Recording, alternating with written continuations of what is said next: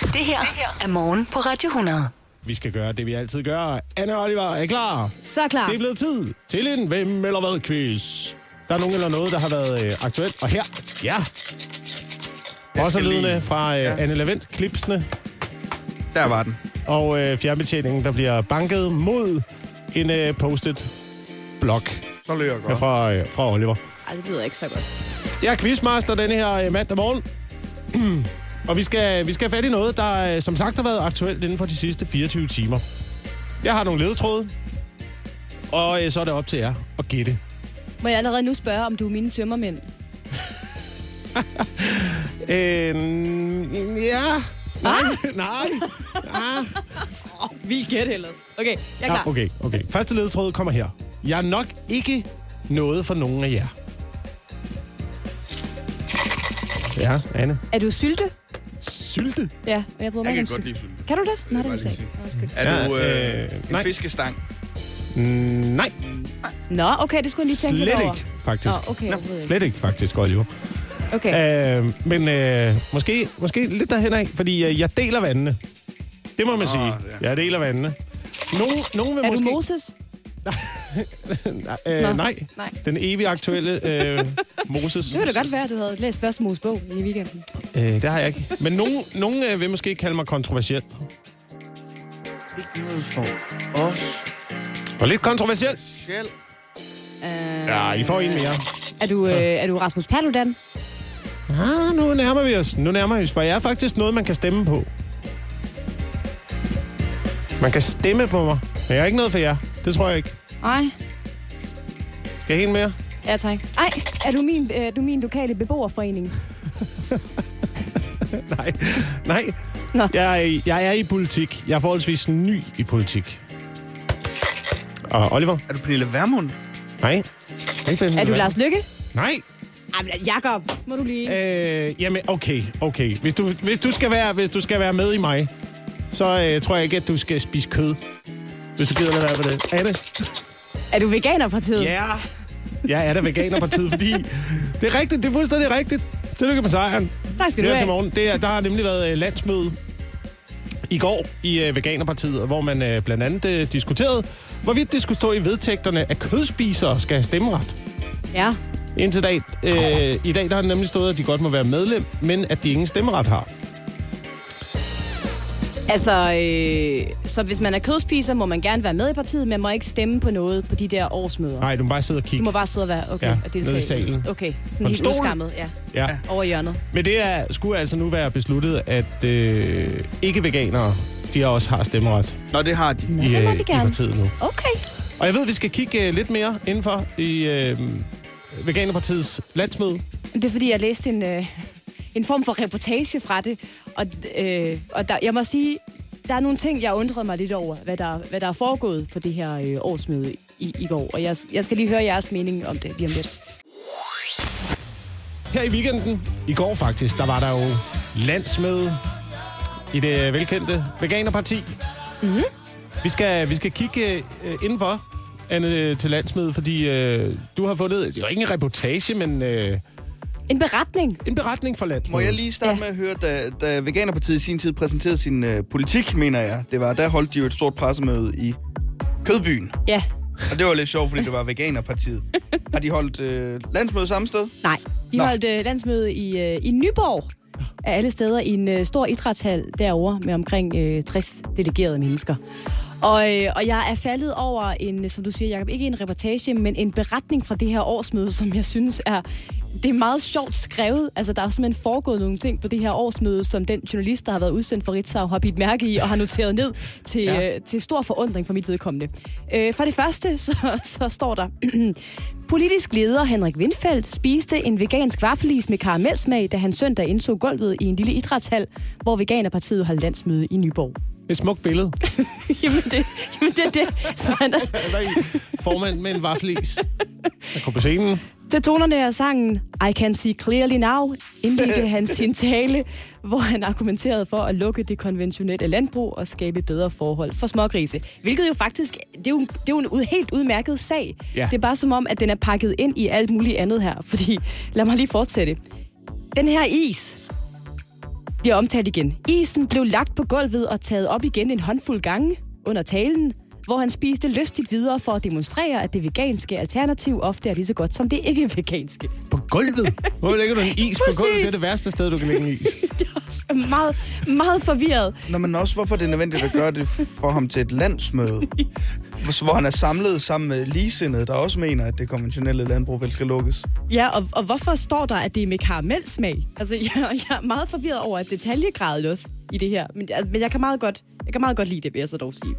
Øh, der var som sagt øh, cirka 50 delegerede samlet, og så står der, nogle var i lysegrønne t-shirts med partiets logo, og nogle havde drikkedunke, der kunne genfyldes med vand af hensyn til miljøet. Ja. Nå, men det har jeg også, når jeg optræder. Ja, Så det, det kan jeg... er der du også kan jeg medlem af, af med. Veganerpartiet så? Nej, jeg er ikke ved... Nej, det er jeg ikke. Nå, okay. Men øh, jeg prøver at spise så vegansk, som jeg overhovedet kan. Ja, ja. Øh, så står der også, de delegerede øh, vedtog på mødet blandt andet, at ikke-veganske medlemmer har stemmeret på landsmøder for at appellere bredere. Det var også det, du sagde, Jacob. Så, så er der en lille, lille sætning her. En enkelt ældre dame mente ikke, at man nødvendigvis skulle leve vegansk for at være kandidat for partiet. Men flere fra ledelsen mente, at kandidat- kandidaterne skulle leve op til egne idealer. Så hun blev altså nedstemt, ikke? Ja. den her øh, Ja. ja. ældre dame. Så står der til sidst. Da afstemningen om paragrafer og debatten var slut, udbrød mikrofonholderen et spontant Fuck Arla! Hvilket... hvilket blev mødt med grin og hujen. Et, øh, et øh, dejligt øh, indblik i kan Veganerpartiets det, landsmøde. Vi er morgen på Radio 100, og øh, jeg skulle lige strække mig. Ja. Undskyld. Jamen, det er mandag, og klokken er lidt over syv, så man må gerne lige... Åh, Ja, ja, vi skal lige i gang. Vi skal lige i gang, og øh, vi, er, vi er glade for, at du er med os den her morgen. Vi skal tale om øh, børneopdragelse i den her time. Blandt andet. Blandt andet. Øh, og jeg er jo typen, der har to børn. Den type. To former for børneopdragelse. To, to former for, øh, for børn, eller for øh, hvad, sådan afkom, eller hvad man skal kalde det, der går rundt derhjemme. Den ene er fire, den anden er øh, et år gammel. Og jeg går jo meget ind for det der med, at man kigger på sine børn, og, og ligesom prøver at finde ud af, hvad de er interesseret i.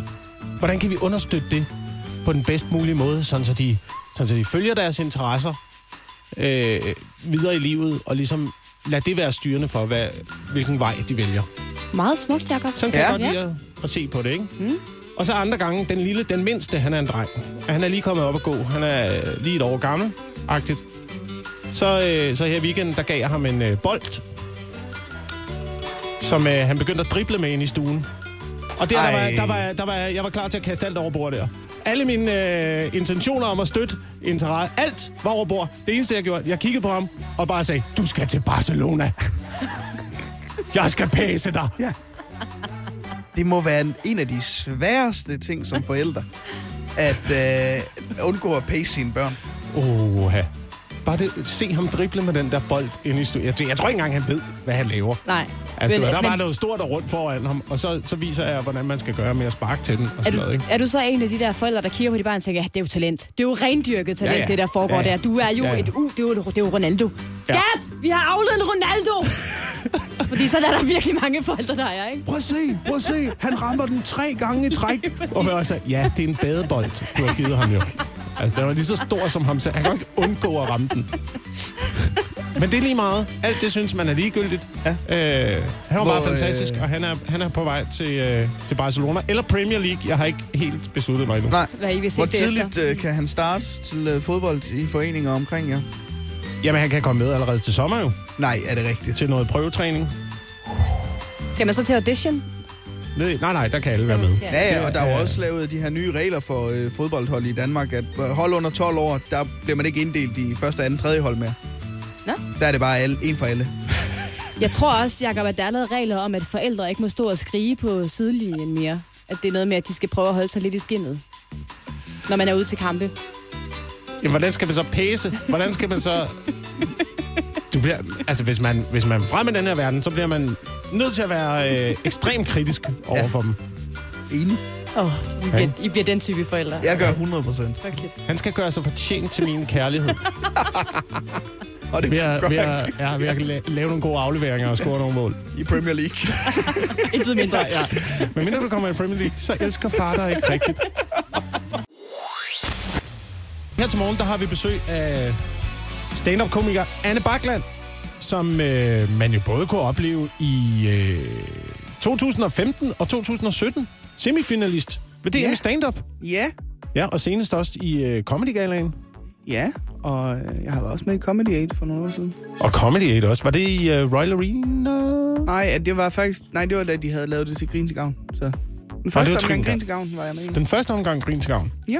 Og nu også her i uh, Morgenbræt 100. Ja, vi, vi, det er du, ja, det er det, du bliver kendt for fremover. Ja, det, det var hende, der var morgen på Radio 100. Radio 100. vi, er, vi er glade for, at du er her, Anne. Og øh, vi har jo en ting, vi laver med komikerne, som Ja. er en øh, overvurderet, undervurderet. Oliver plejer egentlig at lave det. Ja, men, men det synes giver også- slip om mandagen. Ja, vi synes også, det er, det er sådan en god, øh, det er sådan en- en god komikerting. Ja. At kigge på, øh, kigge på ting derude i samfundet og øh, vurdere, er der noget derude, der er overvurderet? Ja. Ja. Er der noget, der er undervurderet? Du har, en, øh, du har også to ting med i dag. Ja, det har jeg. Jeg vil godt at nu sige, min overvurderet, den ændrer sig lidt i bilen på vej herud. jeg synes uh, helt bestemt, at uh, Google Maps er dybt overvurderet. Ja. Ja. kæft, det er et lorteprodukt. Altså.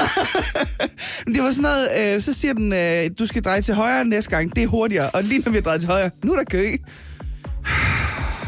Jeg kunne bare se det der ur bare blive længere og længere, og var sådan lidt, for helvede, altså. Det, og det, det er ligesom om, at den, sådan, den venter lige til sidste øjeblik med at sige, du skulle faktisk slet ikke have drejet det. det var faktisk bare noget, jeg sagde. Jeg synes altid, at det plejer at føre en gennem sådan nogle øh, villakvarterer, ja. eller sådan, den tager ikke den logiske vej. Nej, nej, det er sådan noget, det her er 10 sekunder hurtigere, den tager vi. Og jo, men så skal jeg også hen over altså, de skarpeste hum i verden, og, Ja. ja. og forbi Bente med trailer og sådan Ja, noget. lige det, præcis. øh. Ja, Så Google Maps øh, Google Maps er dybt overvurderet. overvurderet. Ja. Hvad så med den, øh, den undervurderede? Ja, og ting? det kan da godt være, at det bliver lidt underligt. Jeg synes, madpakker er dybt undervurderet. Ja.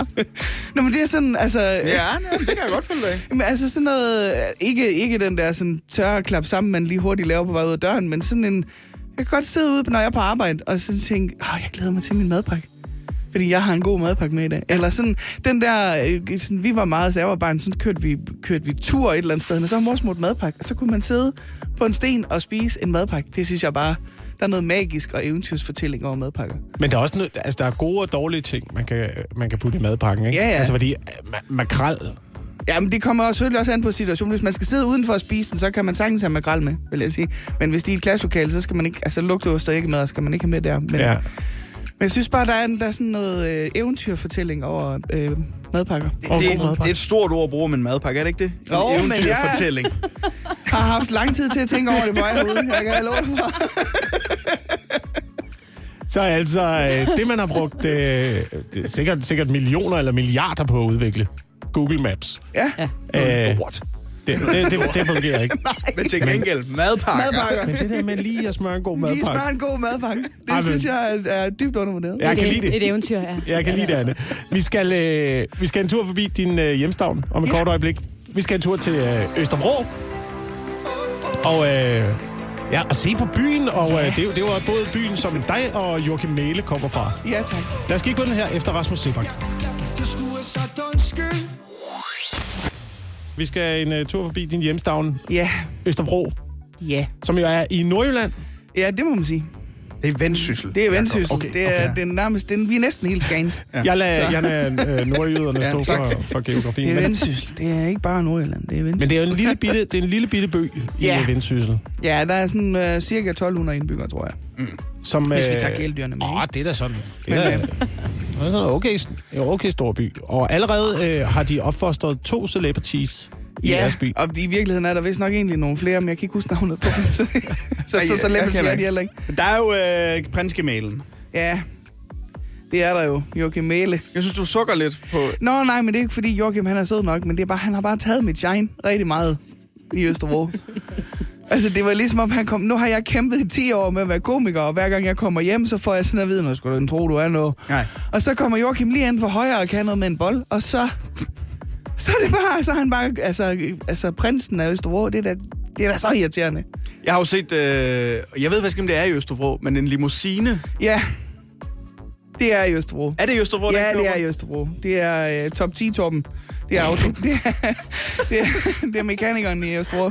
Han, uh, Han har en, øh, han har en øh, limousine, han har fået skrevet Joachim Mæle på. Så kan man lige få en tur rundt i byen i, øh, i limousine, Ja. ja. inden der er fodbold. Og det er jeg bare så nødt til at sige, alle veje fører ud af Østerbro. Altså, der er ikke... Øh, Nej, det- bilen skal nærmest ud af byen for at vende. Altså, der er jo ikke... Hvis du er gået fra den ene ende af limousinen til den anden, så har du set Østerbro. Altså, der er, ikke, der er ikke ret meget mere. Men jeg er faktisk glad for øh, at have en, øh, en, en, en, endnu en, øh, en Vendelbo i studiet. Anna. Ja. Det, det skal du vide. Øh, Jeg kommer fra, fra Jørgen. Ja, og, øhm, jamen, det er jo tæt på. Jeg har et spørgsmål til øh, jer øh, stolte Østerbro-boer. Ja. Du bor ikke på Østerbro, eller i Østerbro mere. Men øh, det skal vide, Anna Jacob, der er for øh, et par år siden, der øh, kom der jo et kulturcenter i Sæsing. Kulturcenter øh, Vendsyssel. Ja, Og det ligger jo lige uden for Østerbro. ja. Er man træt af det i Østerbro, at det sådan har Nej, fået det, det tror jeg ikke, vi er rigtig mærke noget til. Nå, Jamen, det ved jeg faktisk ikke noget om. Altså, jeg har jo ikke boet i Østerbro i... øh, jeg kan mærke, at jeg bliver meget mere vellenbo, når jeg snakker med dig. Det er Oliver også. Vi har lige pludselig fået en anden dialekt på. Det er helt Jamen, det er det, der sker, når vi møder nogen hjemmefra. Så skal Ja. vi lige... Altså, jeg, det ved jeg faktisk det ikke. er fordi, det er jo så stort og flot, og jeg tænker, Østerbro er den større by. Ja, men... Ja, det er det, men... Det fylder nærmest hele sæsning, tror jeg. Men, men ellers, så, det, ved, jeg- det ved jeg faktisk ikke rigtig noget om. Jeg ved ikke, hvad der sker. Jeg, der var på et tidspunkt, de rykkede øh, baptistspejderen derover. Det var vi ikke så glade for. Til gengæld så har men, jeg så, Joachim Mail. men så til gengæld er den gamle baptistkirke, den er blevet til sådan et, øh, sådan et, øh, et øh, kunstgalleri. Så det, Så det er fint. ja, det er fint. Det er vi glade ved. Så sker der noget i byen. Anne Bakland, det var en øh, stor fornøjelse at have dig på besøg her til morgen. Jamen tak, fordi jeg måtte være. Hjælp en, du holder af med at tage det første skridt til bedre hørelse. Få et gratis og uforpligtende hørebesøg af Audionovas mobile hørecenter. Så klarer vi det hele ved første besøg, tryk dig nemt i eget hjem. Bestil et gratis hørebesøg på audionova.dk eller ring 70 60 66 66. Vi er morgen Radio 100, og øh, velkommen, og tak fordi du er med os denne her øh, morgen. Vi øh, plejer jo lige at lægge ud her i programmet med lige at høre, hvordan det går Ja. for, for hver andre mm. i studiet. Og øh, i dag, Oliver, så øh, kunne jeg godt tænke mig at øh, lige henvende mig til dig, fordi du er jo i den situation, at øh, du er lige flyttet sammen Ja, Jeg skal lige til med, om, øh, med om, dit damebekendtskab. ja, om, øh, om en uges tid, der overtager vi. Vi har lige betalt købsummen for vores andelslejlighed. Det gjorde vi i går. Ja, er Tak det I flot. have. Så er der I ingen vej tilbage, Oliver. Ja, Øh, det var den nemme del. Det var den nemme del, ja. Så er det overstået. Nu kommer, nu kommer alle problemerne. Nu kommer det besværlige. Hvor mange små nips har du købt til jeres hjem, Jacob? Øh, 0. Hvor mange øh, små nips har du købt til jeres rækkehus, Anne? Åh, det ved jeg ikke. Mange. Hvad altså, er snakker det vi, for noget? Jamen, snakker vi urtepotter og lysestager og planter og sådan nogle ting? For det har jeg. Det, det Jeg vil jeg sige, urtepotter og planter måske ikke så meget det, men ja, sådan noget som, ej, se den her øh, farvede lysestage, og se den her farvede tallerken, og se den her... Eller den her lille gulddåse, der kan stå Ja. ude på badeværelset. Ja. Ja, sådan en har jeg lige købt. Ja. Det er jeg de meget der glad ting, for. De der ting, som jeg, jeg har indtryk af, at øh, kvinder kigger på og øh, tænker, hvor er den sød? Ja, og hvor er det hyggeligt. Og hvor, hvor mænd kigger på den og tænker, det, det har jeg ingen forhold til, jeg kender den ikke. Nej, Jeg, nemlig. jeg aner ikke, hvordan den er. Og så er det lige meget, om det er en delfin, der spiller harpe eller et eller andet. Det er fuldstændig ligegyldigt. Ja, og de eneste nips-ting, jeg har oppe i mit hjem, dem har jeg vundet i uh, puslingefodbold i 1985. Små pokaler. Og dem har du simpelthen fået med. Der var en af dem, der, der pludselig blev ødelagt på Nå. øh, mærkelig vis. Den, blev fuld, den er fuldstændig krøllet sammen derhjemme, så den ikke kan komme op mere. Det var dog, Men, det var dog ærgerligt. Hvordan er det? Jeg ved ikke, hvordan det er sket. Men det er i hvert fald en, øh, en snak, vi har meget i mit forhold for tiden, øh, om, om nips. Og det, jeg også kan mærke, der irriterer mig, det er, at øh, jeg tydeligvis har en kæreste, der prioriterer nips over hvad jeg vil mene er vigtige ting. Altså sådan, vi har, ikke nogen, vi har ikke nogen spisebordstol endnu, for eksempel. Nå, Men vi okay. har en masse nips til vores nye lejlighed, hvor jeg siger, jamen, kunne det ikke være en idé, at vi havde nogle stole at sidde på, inden vi kan så kan sætte de her nips på spisebordet, skat? Ja, der, det kan faktisk godt være, at jeg er lidt enig med din kæreste der. Altså det, fordi det giver noget hygge, og stole kan man jo altid finde. Hvis man lige finder, at det er helt rigtige form for øh, lysestage eller lille øh, porcelænsfigur, så er det vigtigt at få det i hus. Ja, og jeg flytter mig lidt over på anden side nu, Oliver, fordi at øh, efter at have boet sammen med en, øh, en kvinde i længere tid, så vil jeg sige, at jeg er også glad for, at de har det der indretningsgen, Ja, ikke også? og til at gøre det hyggeligt. Fordi mm. jeg har også indtryk af, hvis vi mænd bor alene, så, øh, så er det nøgne vægge. Mm. Nøgne vægge og lædersofaer. Nå, men der skal heller ikke have sådan nogen tvivl om, at jeg er da glad for, at det er Signe, der altså for, kommer til at stå for øh, altså, det meste af indretningen i vores lejlighed. Fordi så ved jeg, men så bliver den, den kommer til at se pæn ud, hvis det var mig. Ja. Men det er mere prioritering af nips kontra, øh, hvad jeg vil mene er vigtige ting i hverdagen. I skal nok nå det hele, Oliver. Og så kan I sidde på nogle klapstole i Ja. første omgang og kigge på, kigge Fordi på vi de har brugt lysestager. 5.000 kroner på et eller andet. Ej, hvor er den cute, skat. Prøv at Ja. se. Ej, skal vi ikke have den med? Anne, tror du, dit uh, datingkoncept det er stærkt nok til at blive til en app? Det tror jeg. Ja. Men det er måske øh, lidt et koncept, hvor man øh, skal mødes i den virkelige verden. Okay, for en du- gang Jeg ved du godt, det er lidt ud af boksen. Ja, fordi du er jo, øh, du er jo opfinder her til morgen, Ja, og øh, har opfundet et nyt datingkoncept så stærkt, siger du selv, at det øh, ville kunne klare en tur i løvens hule. Ja. Ja. ja. Og jeg vil allerede nu godt tilbyde jer, jeg har aldrig set Løvens Hule, men, men jeg gætter på, at det foregår sådan her. I kan købe øh, 3% for 30 millioner. Hold da op, det er en høj værdiansættelse. Og det er, fordi det bare er rigtig godt. Okay. jeg pitcher følgende.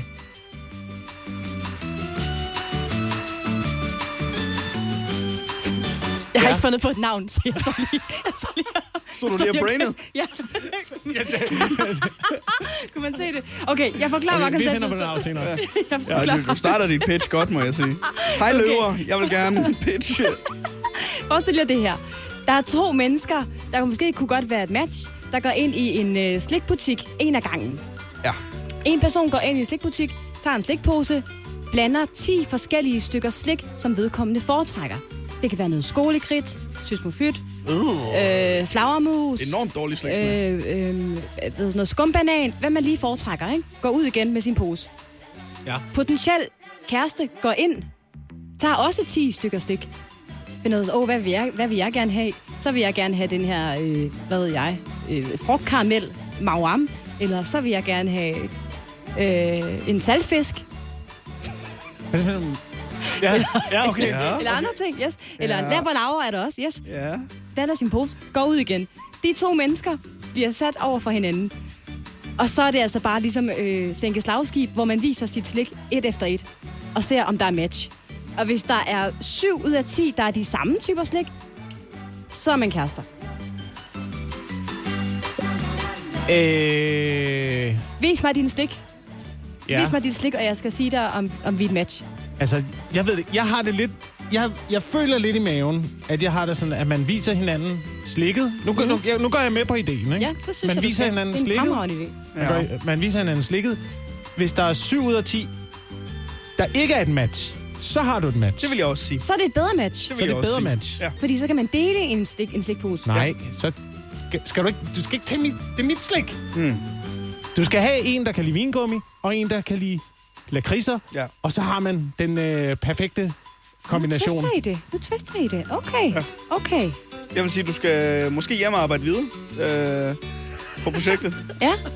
Øhm, jeg har ikke en stor erfaring med at investere i øh, dating øh, koncepter. Og øhm, Okay, så- jeg synes, det er en meget høj værdiansættelse. Special og den price. grund, Du 5% for 20 millioner. af den grund, så er jeg ude. Nej, det kan du ikke. Slik, slik med mig. Slik. Slik på mig. Slik på mig. Slik. Slik. Please. Jeg finder lige på et navn. Så er jeg sikker, så er jeg sikker på, at du er der. Vi skal en tur til fest, Oliver. Nærmere betegnet. Pisfest! Jamen, du er den eneste her i studiet, der øh, åbenbart kender det koncept. Jeg har læst første gang om det i går. Ja. Men jeg er da heller ikke, altså, øh, jeg kan da godt gå ind og blive i tvivl om det er det samme koncept. Skal jeg forklare, hvordan vi holdt pisfest i sin tid? I sin tid, I sin tid? det er fordi, det var noget, vi gør i Jørgen. forklar. Jamen, for os, der var det, så ville vi være en 4, 5, 6 øh, gutter. Mm. Så satte vi os ind på en øh, bodega, og så havde man en åben regning. Og så øh, drak man så mange øl, man kunne. Og den første, der så skulle pisse, betalt. Det, jeg vil faktisk sige, at vi nærmer os lidt. Bortset fra, at øh, det her det er et arrangement, der blev afholdt på øh, det, der hedder Hotel Tømmergården i Hvidbjerg, Ja. Thyholm. Øh, og det er faktisk øh, selve bodegaen i Hotel Tømmergården, der valgte at arrangere det her. Nå, Ja, så det vil har de sige... så holdt fri bar? Ja, det vil sige, at i lørdags kl. 17 kunne man altså melde sig til øh, Pisfest. Det var der øh, 26 lokale, der øh, gjorde. Og så øh, Krogmutter, Pernille Stockholm, hun åbnede simpelthen regningen fra klokken 17 af, og så kunne man øh, ellers møde op, og så kunne man altså bare drikke og drikke og drikke og drikke. Øh, og så var toilettet låst i mellemtiden. Man kunne simpelthen ikke gå ud og, og tisse, hvis, hvis, man, hvis man skulle det. Og der, jeg vil sige, det startede fair. Det startede på den måde, at alle lige gik ud og lavede vandet først. Altså ja. Ja. på samme tid, lidt før klokken 17, ikke? Uh, det er farligt. inden, inden toilettet så blev låst. Så det var, altså, det var helt fair konkurrence. Og så var det ellers bare med at drikke og, øh, og, og stige på hinanden for at se, om der var nogen, der lige nogen, der skulle ud og tisse. For så skulle man skynde sig op i baren og have nogle øh, flere øl. Og det er åbenbart et udbredt koncept derovre. Man har også afholdt det i Lemvig øh, for nylig. Det var derfor, at, at hun havde øh, inspiration, øh, Pernille Stockholm. Der, der, altså, der er noget, der går op for mig nu. Ja. Der, jeg har fået sådan en åbenbaring ja. i Ja. min hjerne. Ja. Jeg, nu, nu ved jeg, hvad det var for en oplevelse, jeg havde i Jørgen for op mod 15 år siden, da jeg var på en uh, stand-up-turné. Så jeg Øh, fik burger med sovs. jeg fik ikke, jeg fik, det har jeg også fået i Jørgen. Men jeg var ude øh, og optræde sammen med, øh, det var vist med Thomas Hartmann, tror jeg, og Brian Mørk. Og vi var nede på Body Holly i Jørgen. Nå, Efter- ja, ja, efter ja, showet, ja. På et tidspunkt, mens vi sidder nede på Body Holly, der er der en øh, fyr, som... Øh, ja, nu siger jeg det, som det er. Som øh, urinerer i et fadelsglas inde midt på diskoteket. ja. Lige tager det ned under bordet. Lige tager pjævret frem der, og så fylder, øh, fylder fadelsglasset op. Øh, hvorefter han stiller det på bordet, kigger lidt på det et par sekunder, kaster det over skulderen, Nej! så det smadrer ind mod væggen. Ja. De har holdt pisfest! Var det det, du troede var pisfest? Men de har holdt pisfest. De har jo siddet der ved det bord. Og afgjort, hvem går først på toilettet.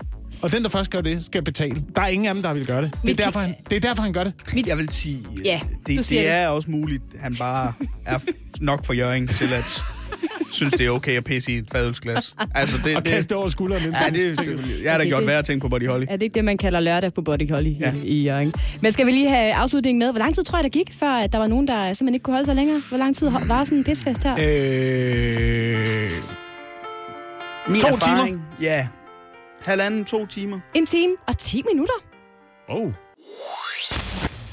Det er blevet tid til øh, en overvurderet, undervurderet Oliver. Ja, det er så. Og øh, vi skal en tur øh, til det dejlige sted, hvor øh, parforhold enten øh, lykkes, eller øh, går i fuldstændig, fuldstændig i stykker. Det gik godt for mig, vil jeg sige. Jeg var i IKEA i går sammen med Signe. Du er stadigvæk i et forhold. Jeg er stadigvæk i et øh, forhold.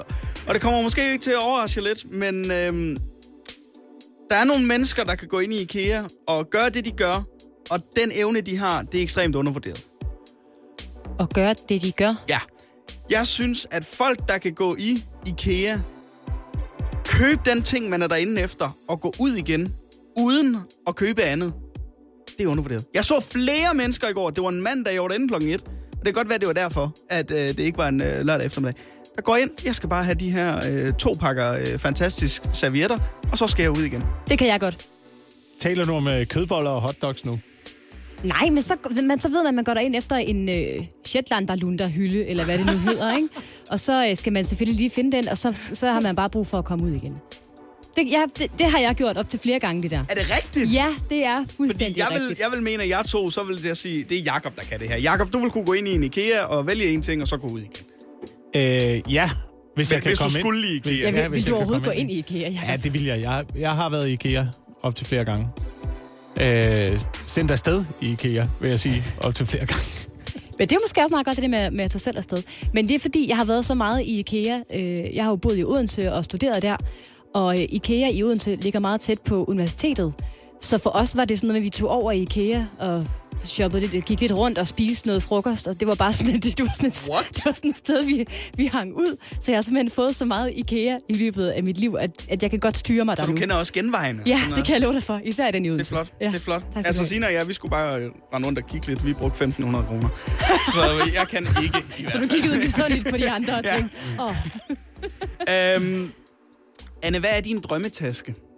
drømmetaske? Ja, Øh, lige nu tror jeg, det er en Yves Saint Laurent. ja der har vi den. I, ja, Designer håndtasker, ikke også? jo. Ekstremt overvurderet. Nej, Og der, der er jeg med. Der Nu er jeg det med. Oliver, der. nu må en, det stoppe. Det er en taske, Anne. Ja, men har du set Hvorfor skal det retfærdiggøres? Den skal det koste 50.000 kroner, fordi der står øh, Louis Vuitton eller Yves Saint Laurent på siden af den. Det er en taske. Og Det kan er- den komme på ryggen? Er den nem at tage med? Nej, fordi det er en clutch. Ja. Det er en clutch, så der Det- er faktisk ikke nogen stropper på den. Så jeg skal have den i hånden hele tiden. Jeg gør faktisk min hånd, min ene hånd ubrugelig, gør jeg. Altså, der vil jeg sige, ja, min, øh, jeg har en designertaske hjemme, som jeg kan have over skulderen, og den er meget praktisk. Men jeg vil sige det her, designertasker, der er oppe i det prisleje, det er også investeringer. De taber aldrig nogensinde værdi. Så er det da ikke en investering, hvis du bare kan få pengene tilbage igen. Så Nej, men så, og de det er bliver en også... investering, så- hvis du tjener penge Ja, på men det. det kan man også sagtens gøre, alt efter hvad det er for en taske, man øh, køber. Så hvis man kender sine tasker... Øh, Som man siger. Nej, hold nu op, ikke de tasker. Så, så stiger de altså... Så stiger, ej, de andre tasker, de falder. Ej, så stiger de i værdi i løbet af, af årene. Så, Så det, det, vil jeg ikke- det vil jeg ikke Var, sige på var, den er, måde. er det det, I er blevet bildet ind? Nej, det er rigtigt. Det er, Altså, det er jo ikke en det Michelangelo, er du har rigtigt. købt. Det er jo en, det er jo en håndtaske til ting. Ja. Du, det lyder så nedladende, når du siger håndtaske. Jeg har en rigtig fin Chanel-taske, som jeg er rigtig glad for. Oh, og jeg arbejder, brag. jeg arbejder på at få udvidet min samling med en Yves Saint Laurent-taske. Nej, jeg synes ikke, det er smart. Nej, ved, jeg du, synes, der, der- ved du, hvad der er smart var? Store lommer på siderne af bukserne, ikke? Og de der bukser, hvor man kan lyne halvdelen af, og så, så er det shorts. Det er bare lige dig. Peter Myggenbuksen. Det er da mega smart. Jeg siger bare, at der er gået inflation i designertaskerne i den her verden. Og det er ikke et tog, jeg hopper med på. Er det... Og jeg håber, Signe hører med. Ja, har du sagt det hun til Signe? kommer aldrig til at få en af mig. Nej. Oh. Så altså, den, øh, den overvurderede, undervurderede ting. Jamen, det er folk, der kan gå i IKEA. Og, folk som Anne, der kan gå i IKEA og købe det, de mangler, og så gå ud igen. Yep. Ja. Og øh, undervurderet, eller overvurderet Ja, det er designertasker. designertaske. Det synes jeg er helt Jeg er rigtigt med. vurderet. Jeg er med dig, Oliver. Til synligheden så er vi blevet øh, tilbudsjæger alle sammen, kan man læse i dag i avisen. Ja, det kan man. Så mens øh, Elon Musk og Jeff Bezos og alle de der, de bare har virkelig mange penge, mm. så har vi andre fattigrøve taget øh, sagen i egen hånd. Vi er simpelthen begyndt at jage tilbud som øh, aldrig før, har jeg lyst til at sige. I Ja. hvert fald markant mere, end vi gjorde for et år siden. Og nu er jeg jo ikke ekspert på området, men jeg har en lille teori om, at det nok skyldes, at alting er blevet dyrere. Tror du alligevel det? At det tror jeg. Nå for søren at det har fået os til at, at tilbudsjage noget mere. I hvert fald er der en uh, tilbudsplatform online, der hedder uh, minetilbud.dk, hvor man kan sammenligne de forskellige supermarkeders og dagligvarerbutikkers priser, sådan, så man får det billigste uh, tilbud på det, man nu skal have. Og de har haft 40 procent flere besøg end samme periode sidste år. Det havde de altså i sidste uge. Så der er rigtig mange flere, der er begyndt at kigge efter uh, tilbud, opsøge dem aktivt, for lige at se, om der skulle være nogle håndører og spare. Ja. Gør I det samme? Egentlig kigger efter tilbud, når I skal handle? Øh, ja, både ja og nej, vil jeg sige. Ja. Altså, det kommer an på, hvor det er. Jeg, altså, det, det er jo det der med, altså, hvis man kører efter billig benzin, så kan det næsten være ligegyldigt, ikke? Og hvis man Øh. kører efter den pakke smør, der, der koster to kroner mindre ja. i den ende af byen. Lige præcis, lige præcis. Men altså, hvis der er noget, som jeg skal have alligevel, og det er på tilbud, Ja. så, så køber jeg det. Min mad... Nå, sorry. Ja, nej, og så kører jeg efter ost. Efter ost? Jamen, jeg ved, hvor der er nogle øh, gode supermarkeder, hvor de tit har tilbud på ost. Altså, min mad er ofte defineret af, hvad der er på tilbud.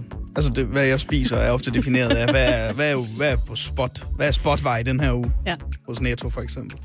Så kan det være, at du skal have øh, knor og banæssauce Ja. den ene dag, og, Faseret porre den og anden dag. på den anden dag, og et glas med sild den tredje dag. Ja. Alt efter, hvad du lige finder i spotvarehylden. Det er rigtigt. Ja. Men det, sådan har det nogle gange med de der... Øh, flere supermarkeder er jo begyndt at lave de der øh, rum i øh, køleboksene med, med alt det, der udløber på dato. Mm. Der kan man lige gå hen og se, er der noget kødpølse, jeg skal hjem og spise?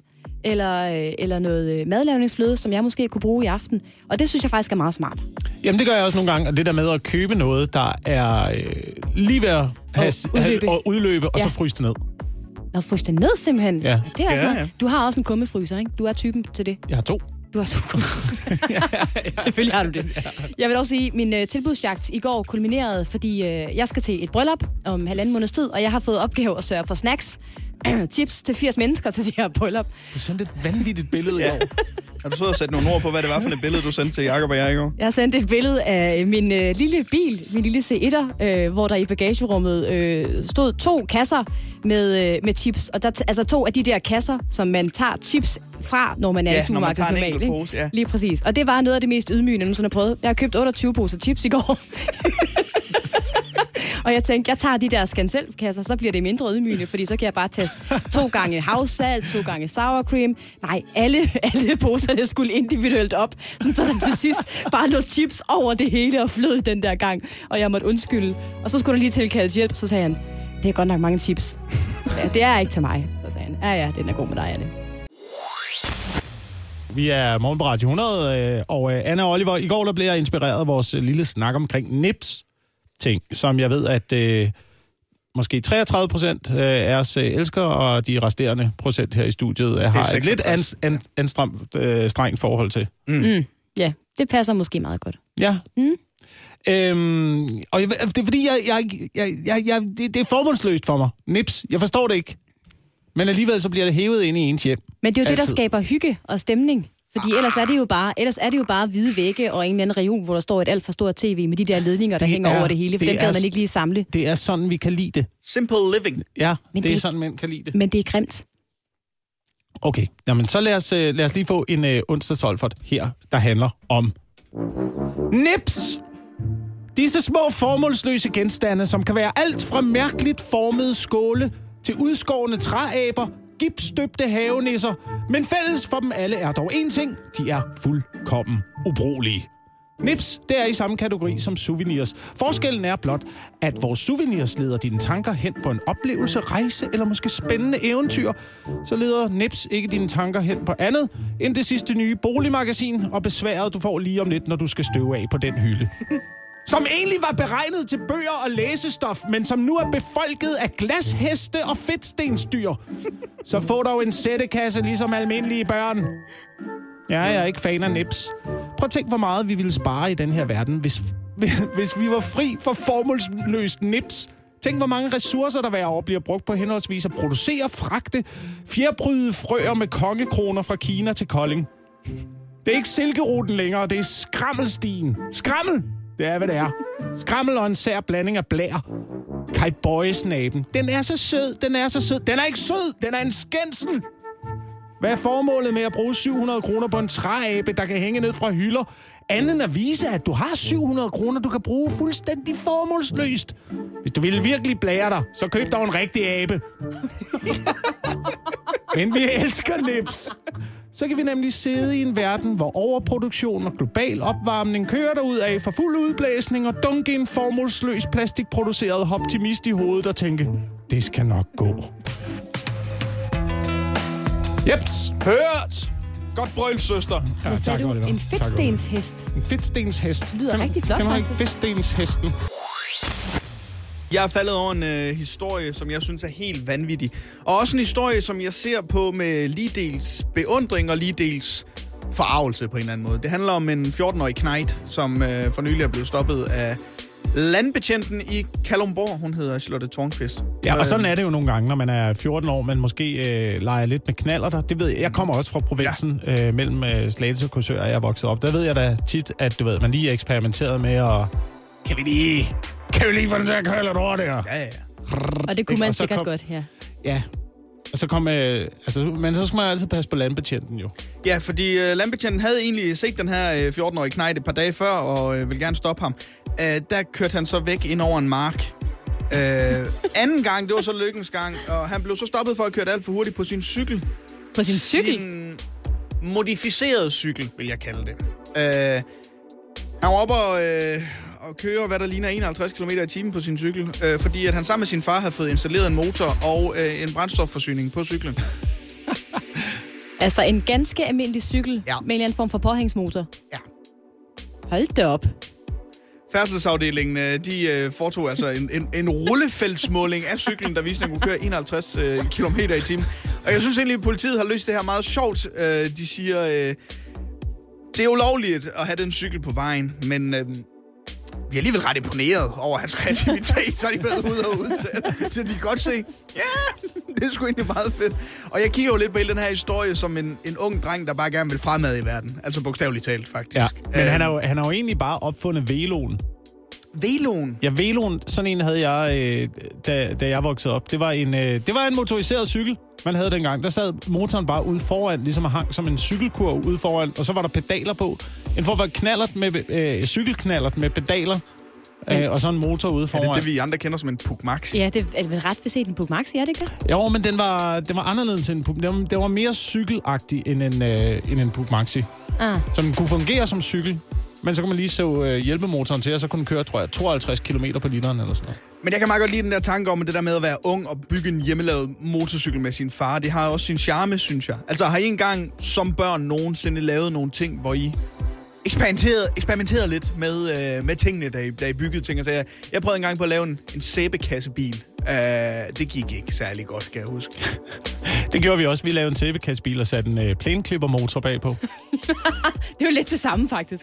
Bum, så har man lige pludselig Altså, en, øh, en go-kart i stedet for med motor. vi satte ikke lige motor på. Der synes jeg måske lige, at de har gået en ekstra Det er nu bare sådan, en, man sparker i gang med fødderne under, eller måske nogle pedaler eller et eller andet. Nej, nej, det bliver startet med sådan en træksnor.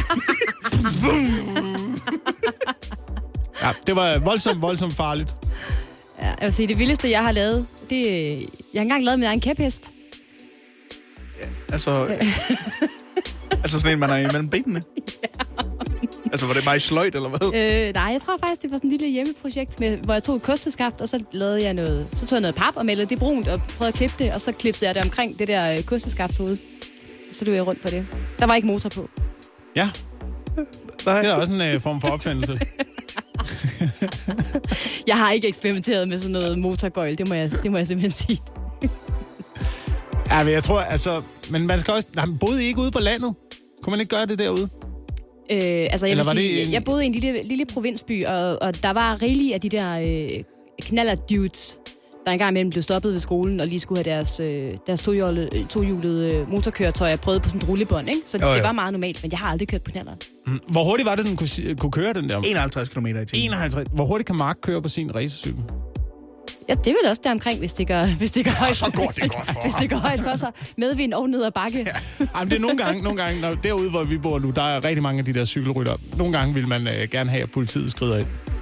Og lige gør det ulovligt. I kan køre, I simpelthen køre for hurtigt. Altså, I skal ikke have lov at være herude. Det er altid farligt, når man tager øh, fat i debatten mellem katte- og hundeejere. Ja. Og jeg ved, at øh, der er en, der er på hundeholdet. Ja. Det, det er Oliver ved, det er. som sidder her ved siden af. Og øh, jeg er i hvert fald på katteholdet. Jeg vil sige, jeg er øh, primært øh, kattedame. Jeg kan også godt lide hunden. Øh, Skør kattedame. Jo, bevares, bevares. Men, ja. jeg, men jeg kan også godt lide nogle former for hunde i hvert fald. Ja. Og øh, det er jo sådan, at min kæreste og jeg, vi er øh, flyttet i rækkehus. Er rigtig, rigtig glade for det her rækkehus. Godt med plads. Godt. Dejlig natur lige ved siden af. Og, øh, og vi har da gået og, tænkt over, om vi skulle anskaffe os et, øh, et form for pelset bekendtskab øh, Ja. ja. at lukke for. Når man alligevel går den der lange tur, og øh, man løber tør for samtaleemner, det er Ja. allerede efter 500 meter, så tænker man, hvad, hvad Ej, sådan en tur havde vi det her den anden dag. Kunne det så ikke være sådan, dejligt Nå, ja, ja, jo, mhm. Ja, det var så frygteligt. Det vil jeg sige, det vil jeg sige til jer, hvis, hvis I øh, har planlagt at være længe i parforholdet. Nu, Ja. nu, nu os nu taler jeg se. lidt af erfaring der. Ja. Ja. Sådan noget. Lær at nyde øh, stillheden. bare fordi man, løb, man løber tør. Det gør man bare. Men måske var det faktisk det, der øh, i går fik mig til at gå en tur alene simpelthen. Så sige, hej hej, jeg, jeg smutter lige ud og hører noget dejligt podcast. Og noget af det, som jeg i agt tog på min gåtur, det var hundeejeres fællesbånd. Ja. Og der kunne jeg godt mærke, at jeg som øh, egentlig kvinde kom gående øh, uden øh, nogen form for hund i snor, og følte mig en lille smule udenfor. Som en eller anden freak. Ja, som der, der lige sagde, ej, må jeg lige komme forbi her, mens I står og bonder, og jeres, Ja. øh, og jeres øh, to hunde, en gravhund og en øh, golden retriever, de står og snuser hinanden, hvor der nu skal snuses, og jeg ja. tænkte, prøv at tænke, en god måde at komme i snak med hinanden på. Ja. Jeg siger, nå, hvad, hvad hedder den? Nej, hvor er den sød. Og, altså, du ved, der opstår bare sådan et bånd mellem de her hundeejere, når de mødes, og de aner ikke, hvem hinanden er. Ej. Men hundene insisterer på at snakke sammen, og så må hundeejerne jo ligesom tage sig tid til det. Altså, øh, på den måde er vi mennesker jo nogle øh, mærkelige sager væsener, ikke? Det burde jo være os, der var de mest intelligente. Men det er ikke os, der tager kontakt til hinanden. Det er det ikke. Det er hundene Ja, først og men der- fremmest, ikke? Til gengæld- Og det er også dem, man hilser på. Hvis du møder fremmede mennesker, så er det hunden først. Til- Og så er det det fremmede menneske bagefter. Til gengæld er vi trods alt så civiliseret, at vi ikke snuser hinanden bag i. Altså, det, det er jeg faktisk rimelig glad for, Ja, at ikke- vi... ikke første øh, møde i hvert at vi- fald. Nej, Men jeg hørte dig sige, at du har to gode grunde. præcis. I har et rækkehus og Ja. øh, en, et selskab til en gåtur, ikke? Jeg det er tænkte- jo to, det er jo to gode grunde. Jeg har en tredje til dig. Ja, tak. Du er begyndt at løbe. Ja, Få dig en hund, der kan pace dig, når du løber. bare træk dig ud af. Ja, Ja, det er jeg altså ikke, det er jeg altså ikke sikker på, man, øh, man får. Det kan man ikke være sikker på med hunden. Jeg Nej, kender en, der havde en hund, der den fakede en skade, når de var for eksempel ude at gå. det handler om at vælge halte- rigtige Så hund, begyndte den at halte lidt på sådan det ene ben. Så havde de sådan en, øh, de havde sådan en øh, selvmotoriseret øh, øh, lille vogn, de kørte, øh, kørte rundt med. Øh, så, så fakede den en skade, fordi så vidste den, så kom den op og sidde i den der vogn der. Ja, ja. Og så blev den kørt hjem. Så når den kom hjem, så var der ikke noget galt ind til madskolen. Ja. Så det var mega fedt. det lyder igen lidt som min kæreste, synes jeg faktisk. Men, øh, men øh, jeg siger bare, at det var det argument, der måske kunne få mig til at overveje en hund. Jeg, jeg, jeg tror ikke, jeg Gør gør det men, nu. Øh, nej. Jeg skal nok passe den også. Jeg tror, det bliver et nej. Det bliver et nej derfra. Ja, det bliver et nej herfra. Godmorgen og velkommen øh, indenfor, hvor vi nu skal en tur udenfor, fordi øh, vi skal se på det store internet. Vi skal nemlig have et internetoverblik. Ja, og det øh, er vel bare en paraplybetegnelse for de ting, man finder på nettet, som vi ikke rigtig ved, hvad vi skal gøre med. Ja, så putter vi dem ned i den her kasse. Ja, præcis. Der siger, jeg har fundet det på internettet, og Ja. så slu- slutter den der. Det er den der øh, skuffe, man har derhjemme i huset, hvor at, øh, man står med de der... Har, du ikke, har man ikke sådan en skuffe? Jo, hvor der Sådan ligger en, bare øh, gamle nøgler, man ikke ved, hvad er til, Ja. og kvitteringer og Det var dem, jeg Stik ud i går. ting og sådan noget. Ja, nå, ja, det er rigtigt. Det var lige ting, jeg smed ud i går. Ja. Men jeg vil sige, at den første øh, historie har jeg fundet hos øh, Politikken. De har sådan et tillæg, der hedder I byen, som vel i bund og grunden er sådan et øh, Københavner-tillæg. Det er et Københavner-tillæg, ja. Ja, hvor man kan læse alt om øh, de øh, nyeste øh, fashionable restauranter til øh, en eller anden ny trend med, at G-strengen skal kunne ses igen hos kvinder. Præcis, alle sammen gode ting. Og de har simpelthen øh, givet et bud på øh, to af årets madtrends øh, hos øh, Politikken. Og øh, den ene af dem er simpelthen, at vi skal i gang med at drikke broth tales. Broth tales. Broth. Broth, det er jo en Brothels. form for... Brothels. Ja. Ja. Det betyder det ikke bordel på engelsk. Øh, jo, det gør Øh, brothel, men broth, det er jo, hvad hedder det? Ja, hvad er det? Det er jo fong, Ja. altså sådan øh, fong. Så det er nemlig lige præcis det, det er. Det er øh, drinks, der består af fong og en form for sprut. Ja, Broth tales, det kan være en dejlig fun and gin. Okay. Hvor hårde tider går vi i møde, Øh. øh. hvis vi skal, vi skal drikke fong. Åbenbart rigtig hårde, Jacob. Hvad fong med alkohol? Ja, simpelthen. En god, en god shoes, hvis du ikke lige, hvis du ikke lige har andet.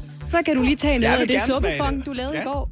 Og putte, øh, og putte noget rom i, eller hvad du nu ellers Nå, har. det er da meget smart, hvis nu man har kogt en kylling, ikke? Så kan du både bruge det til at lave høns i asparges, men du kan også bruge det til at lave en gin og broth.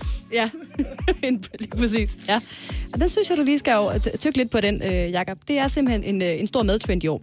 En anden trend, som politikken også har øh, stået op hos øh, madmagasinet Ida, handler om øh, anretningen af sin øh, mad derhjemme. Det er nemlig sådan, at de allermest hippe restauranter i USA er begyndt at øh, anrette deres serveringer, så det ligner øh, høm. Øh, Altså Høm. på melum. Ja, bummelum, faces. Det skal li- gerne ligne sådan en, I ved, sådan en god, hvis man nu har en form for, øh, hvad ved jeg, Sprøjtepose. sprøjtepose, og så sprøjter man lige ud i en form, sådan, så det ligner en lille, en lille fin høm, der Nej. ligger øh, ovenpå ens bøf. Det kan være noget smør, man lige kan, sådan så det ligner en, en pølle. Det er simpelthen en, øh, en, en trend i år. Er det i USA, eller hvad? Også- Ja, det starter jo Og så det er også de der, man lige kan- restauranter. Få, øh, få tilbudt at få maden med hjem i en pose. Ja, Vi skal tage den for dig også, og lige... Du kan tage den med posen, og så... Jeg ikke, jeg synes, det er... Det, det, ej. Overvej det. Den sidste historie kan siges kort. En svensk højesteretsdommer øh, har stjålet en, skin, en skinke. Øhm, en juleskinke. Og det er, ikke, det er ikke så godt. Så hun har fået en bøde på 36.000 kroner, og hun må ikke være dommer mere. Tænk så, du har været med på trenden i så mange år, Anne. Med din mad skal ligne lort. Vi er Morgen på Radio 100. I dag med øh, Jakob og øh, Oliver. Det er så småt begyndt at lysne derude på vejen. Pas på lige på vejene i dag, fordi øh, der kan være vand på vejene. Ja, Det lagde jeg mærke til, da jeg kørte ind i morges i hvert fald.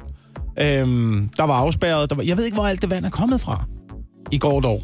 Altså, jeg kørte også hjem i går fra et job, men, men der var det en lille smule regnvejr. Jeg synes ikke, at der... Har det regnet noget i nat? Det ved jeg ikke, jeg har sovet. Jeg sover simpelthen så tungt, Jacob, så det, det aner jeg ikke. Men, øh, men, Men man, vi skal ud på vejene, fordi der er andre ting end øh, vand, der er farlige. ja, det er der jo. Øh, rådet for øh, sikker trafik, det her øh, råd, vi har herhjemme, for hvordan vi skal gebære det os allerbedst på vejene. De er ude med øh, en kampagne for tiden, der hedder Sænk farten bare en lille bitte smule, eller det hedder ikke en lille bitte smule, det hedder en lille smule, øh, hvor man øh, også nu har øh, offentliggjort en undersøgelse, som man har lavet sammen med øh, Vilke. Det er noget, man kan læse i aviserne her til øh, morgen. Og det er en undersøgelse, der viser, hvordan vi danskere kører på landevejene. Hvordan tror du, vi kører på landevejene, Jacob? Jeg tror, vi kører øh, dårligt. Øh, hvis, altså, jeg, det tror jeg. Det, Ja. ja. Fordi hvis det, er, hvis det er bilister, der er blevet sat til at vurdere andre bilister, Jamen, det er, så vil jeg skyde på, at, øh, at det er dårligt. Ja, vi kører alt for hurtigt i hvert fald, kan vi læse os frem til. Uh, specielt de unge kører, uh, hver fjerde af de unge, de kører 100 km i timen på landevejene. Bare sådan standard. Øh, er det over hele landet, eller hvad? Eller er det bare, er det de unge bare generelt? Øh? Det er over hele landet, det her. Men til gengæld, så hvis man kigger regionalt på det, så er det øh, de midtjyske bilister, der er dårligst til at holde hastighedsbegrænsningerne. Nu, jeg har også kørt meget i Midtjylland. Mm. Og jeg vil sige, jeg skylder ikke skylden så meget på, øh, på de midtjyske bilister, så meget som på de midtjyske veje. Ja. Fordi man har altså også Enig. bygget de midtjyske veje, så de indbyder til, at man skal, at man skal have fart på. Det er de der lange, lange, lange lige strækninger, der, der kører igennem øh, den jyske hede. Men det siger øh, projektleder ved Rådet for Sikker Trafik, han hedder Mathias Hjort Frederiksen, han siger også, at midtjyderne, de har mange lange, lige landeveje.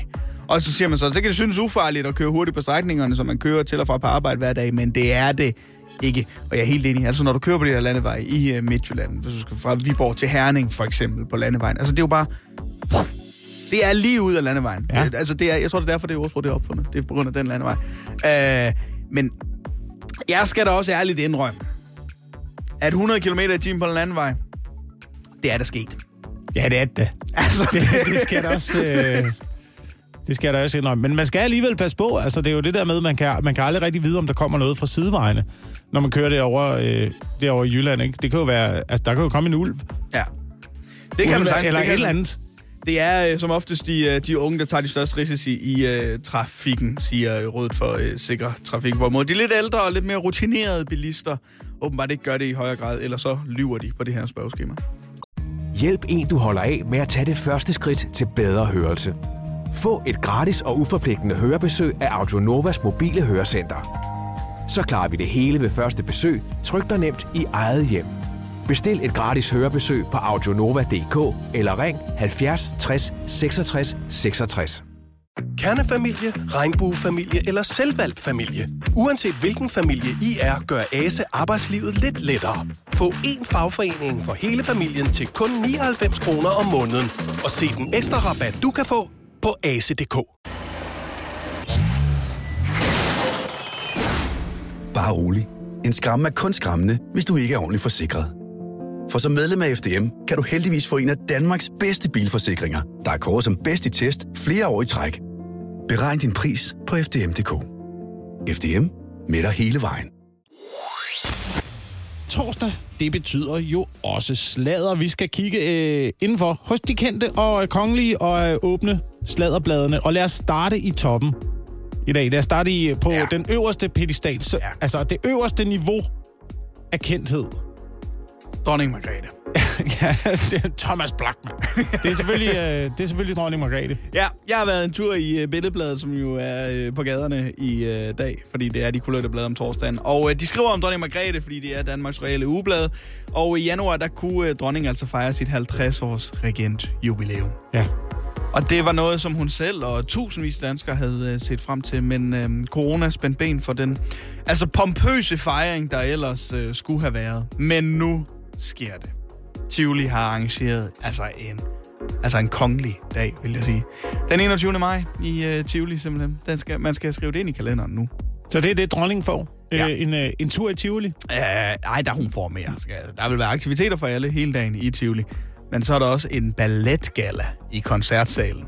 Og det er altså. Ja. der er balletdansere fra Hamburg, fra London, fra Paris, fra New York og den kongelige ballet også. Og så øh, er der også et stort jubilæumsfyrværkeri. Og så kan man også komme ind og se øh, alle dronningens mangeårige kunstneriske designs fra den øh, 21. maj af, hvor man simpelthen laver en udstilling øh, med hendes kostymer, som øh, dronningen har designet gennem de, de sidste 20 år. Ja. Ja, Så det er... Øh, Jamen, det er en flot fejring, Jacob. det er jo en kørt rundt også. I Tivoli, Eller ja, altså i vogn, eller et eller andet. Det, det, det melder Billedbladet ikke noget om. Nå. Men det kunne da være fedt, hvis hun fik sådan en guided tur i Tivoli i en eller anden Tivoli-bil. En, øh, der har øh, sikkerhedsvagter, det er jo dronningen. Ja, det er det. Så hun ikke, så hun ikke kommer ud for ulykker, når hun er, når hun er derude de kan, og holder folkemængden væk og, og sådan noget her. Men nu er der også et, øh, et filmsæt, som, øh, har måttet ansætte en, øh, en masse sikkerhedsvagter, fordi de er blevet angrebet af, som, som avisen beskriver det her, en flok midalderne og liderlige kvinder øh, er, er gået til angreb på, på filmsættet øh, Magic Mike 3. Åh, oh, ja. Og jeg ved ikke, om du har øh, set nogle af Magic Mike-filmene med Jeg har ikke Channing, set- Channing Tatum. Jeg har ikke set nogen af Magic Mike-filmene, men jeg, jeg, jeg har en formodning om, hvad det handler om. Det er mandestrip. Ja, det er Det er mandestrip. Ja, tak. Det er veltrænede skuespillere, der øh, tager tøjet af og, øh, Og danser smør, lidt, smører ikke? sig selv ind i babyolie. Og det kan, det kan de midalderne kvinder til synligheden ikke håndtere. Nej. Så de er, de er mødt op og, øh, og altså simpelthen, øh, simpelthen tiltvunget sig adgang. Og kvinderne, der, der står her, kvinderne skal efter sine være så desperate af at få et glimt af den halvnøgne Channing Tatum og hans medstjerne, at de øh, gang på gang har brudt sikkerhedsforanstaltningerne. Ja. Det er altså, det er, de midaldrende kvinder her, det er, det er, det er, de, det er 19-årige, der vælter hegnet til Roskilde Festivalen. Ja, det er rigtigt. og løber ind for at få den bedste plads til så at se Channing Tatum smide overtøjet. Ja, nogen må, øh, jeg ved, jeg ved ikke, nogen, nogen må gøre, nogen må gøre noget ved det der segment. Nå, men altså, hvis havde det været med omvendt foretegn, så øh, vil vi da alle sammen skrive om, hvor forfærdeligt øh, alle mænd har opført sig. Ja, jeg, ja der, jeg tror, der har været nogen, der har mistet deres arbejde der. Ja. Nå, ikke mere om det. Det her, det skal, det skal også blive en god morgen her, det Post Malone. Oliver, nu er det i gang med at digte. Det er tid til at komme i gang med at digte, fordi der er nemlig både mulighed for at vinde 300.000 kroner og møde dronningen. Hvad? Var det noget for dig? Hvor, hvorfor? Det er, vi skal lige nævne den, vi skal lige runde den her historie, fordi det er Dansk Forfatterforening øh, og den danske skønlitterære forfatterforening, som har øh, annonceret en ny pris, som giver, gives til en dansk digter. Ja. Øh, den vil blive overragt ved majestætens fødselsdag. Øh, 16. nej, april. det passer ikke. Prinsens fødselsdag. Den Den, øh, den 11. juni øh, Ja. 2022. Og det skal den, fordi at der bliver givet øh, 300.000 kroner ud. Er det en, nu skal jeg bare lige høre, er det en lyrikpris opkaldt efter prins Henrik, det her? Øh, ja, det er en form for lyrikpris, men den er ikke, den er ikke som sådan øh, opkaldt efter øh, prins Henrik. Men til gengæld, så modtager du, ud over de øh, 300.000 kroner, så modtager du en øh, skulptur lavet af prins Henrik. Og øh, nu kan man selvfølgelig ikke se øh, skulpturen her i, øh, i radioen, men jeg kan prøve at beskrive... Altså, det, det er min eneste anke mod at begynde at gå efter den her pris. Det er, jeg, ved, jeg ved simpelthen ikke, om jeg skal have den her skulptur stående fremme derhjemme. Der er tale om en, øh, en form for øh, bjørn, der mangler halvdelen af hovedet. Og hvorefter der kommer en... Øh, det ligner... Det skulle efter sine være en delfin, der kommer ud af hovedet på bjørnen, men det ligner mere Alien, den der, det der rumvæsen fra, øh, fra Ridley Scott-filmene, der, der kommer ud af hovedet på bjørnen. Ja.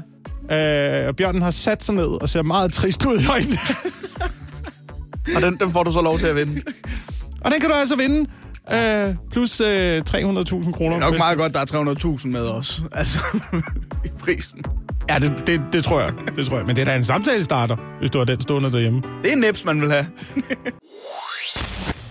Skal rundt om internettet nu. Ja, og lad os øh, starte i øh, Rusland. Altså, der sker mange, der mange ting på øh, internettet, og det er egentlig det, vi gerne lige vil understrege lidt i øh, det her øh, segment. Berlingske, de har øh, gennemgået øh, det russiske øh, patentsystem, og øh, simpelthen fundet 49 tilfælde, hvor vestlige virksomheder eller varemærker øh, risikerer at blive kopieret.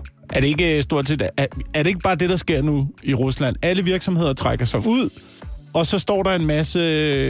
Der står en masse bygninger tilbage, men Ja. med reklameskilte på. Ja, Ja. Så fra russisk side kan man jo egentlig bare tænke, om nu er vi i IKEA. Ja, men det er sådan set også det, man har gjort, fordi det er virksomheder som Coca-Cola, Apple, Adidas, Nike og IKEA, der nu er i overhængende far for at blive misbrugt. Og øh, man har fundet en ansøgning i det russiske patentsystem øh, på et firma, der har kaldt sig selv Louis Apostrof Vuitton, stedet for Louis Vuitton i et ord. Ja. Og øh, fra et møbelfirma med et øh, blåt og gult logo, som nu hedder Idea.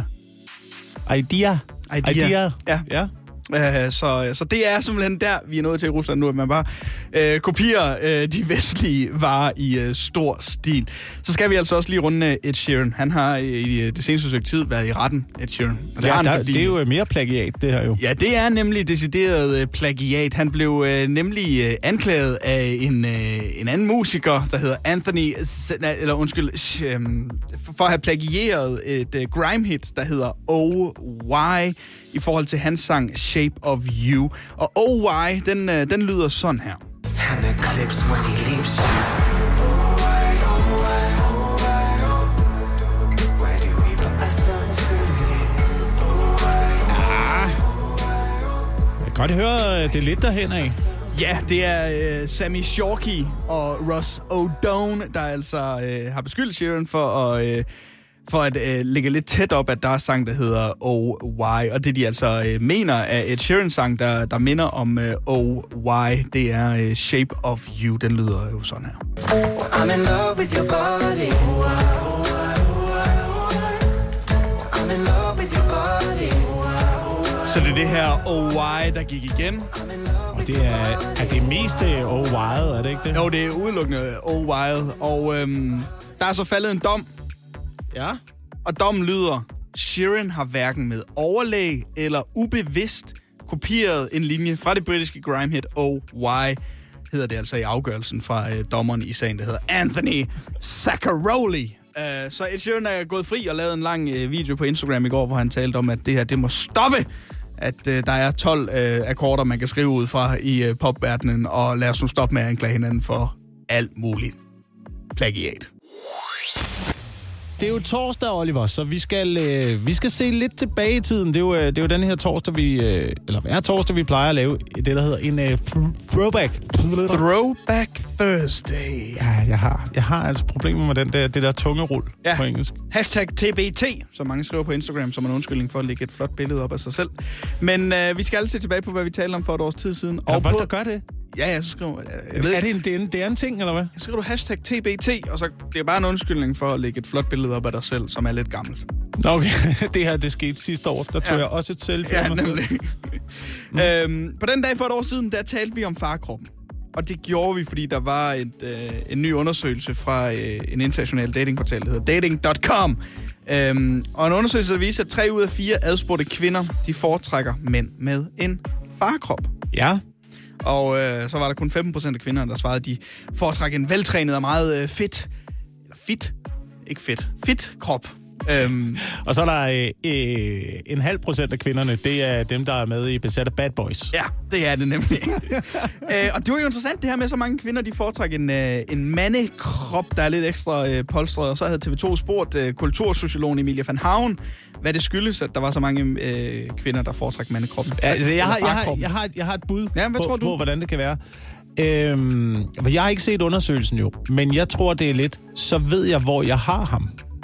Ja. Er det... Er det, er Altså, det derhen af? Ja, det, det er ikke helt fejl, vil jeg sige. Kultursociolog Emilie van Havn, hun siger, øh, en mand med en farkrop er en, der bliver hjemme og passer sin familie. det er ikke en strejfer, der bruger tid på at træne, så han kan komme ud og score. Og så er der også noget andet, øh, er, at farkroppen, fordi den er mere velpolstret, det giver ikke kvinder mindre værd over deres ekstra kilo eller appelsinhud.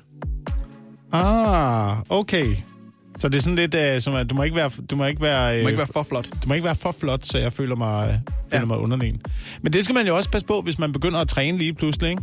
Mm. At der er sådan, hvorfor, hvorfor skal du holde dig så meget i form? Jamen, det er jo, det er jo for, at jeg ikke får hjertestop lige om to sekunder. Det er jo derfor, jeg løber. Jeg har spist for mange Ja. kiks og for mange toast. Og øh, så fik vi også lige øh, undersøgelsen øh, i hus sidste år ved at sige, at trods der var en tendens til, at farkroppen øh, var, var på vej tilbage, så var der ikke noget, der tyder på, at den, den lidt mere fyldige morkrop er på, på vej tilbage. Nå, det gælder ikke omvendt for, Nej. øh, for mænd. Nej, det gælder ikke, det gælder ikke rigtigt den anden vej. Men altså, øh, hvor, mange, hvor mange ud af, hvor mange kvinder sagde du, det var? Tre ud af fire. tre ud af fire kvinder? kvinder foretrækker mænd med en farkrop. Og selv tak da. Jamen, så behøver jeg ikke at komme ud og løbe i dag. Det var da Nej. dejligt.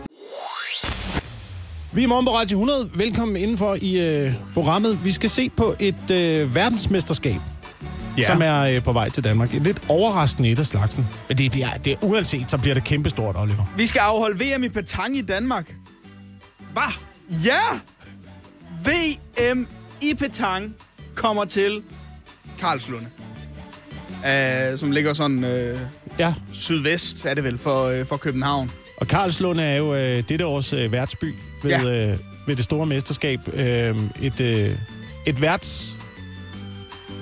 Hvad, hvad kalder man sådan noget? Værtskab. Værts, vær, et værtskab, ja. man, øh, man vandt foran øh, Store nationer. store byer, store nationer, altså, som, øh, Simpelthen.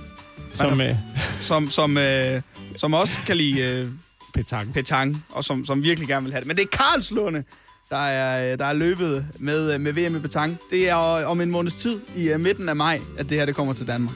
Ja. Og jeg elsker jo, øh, jeg elsker sport, Jacob.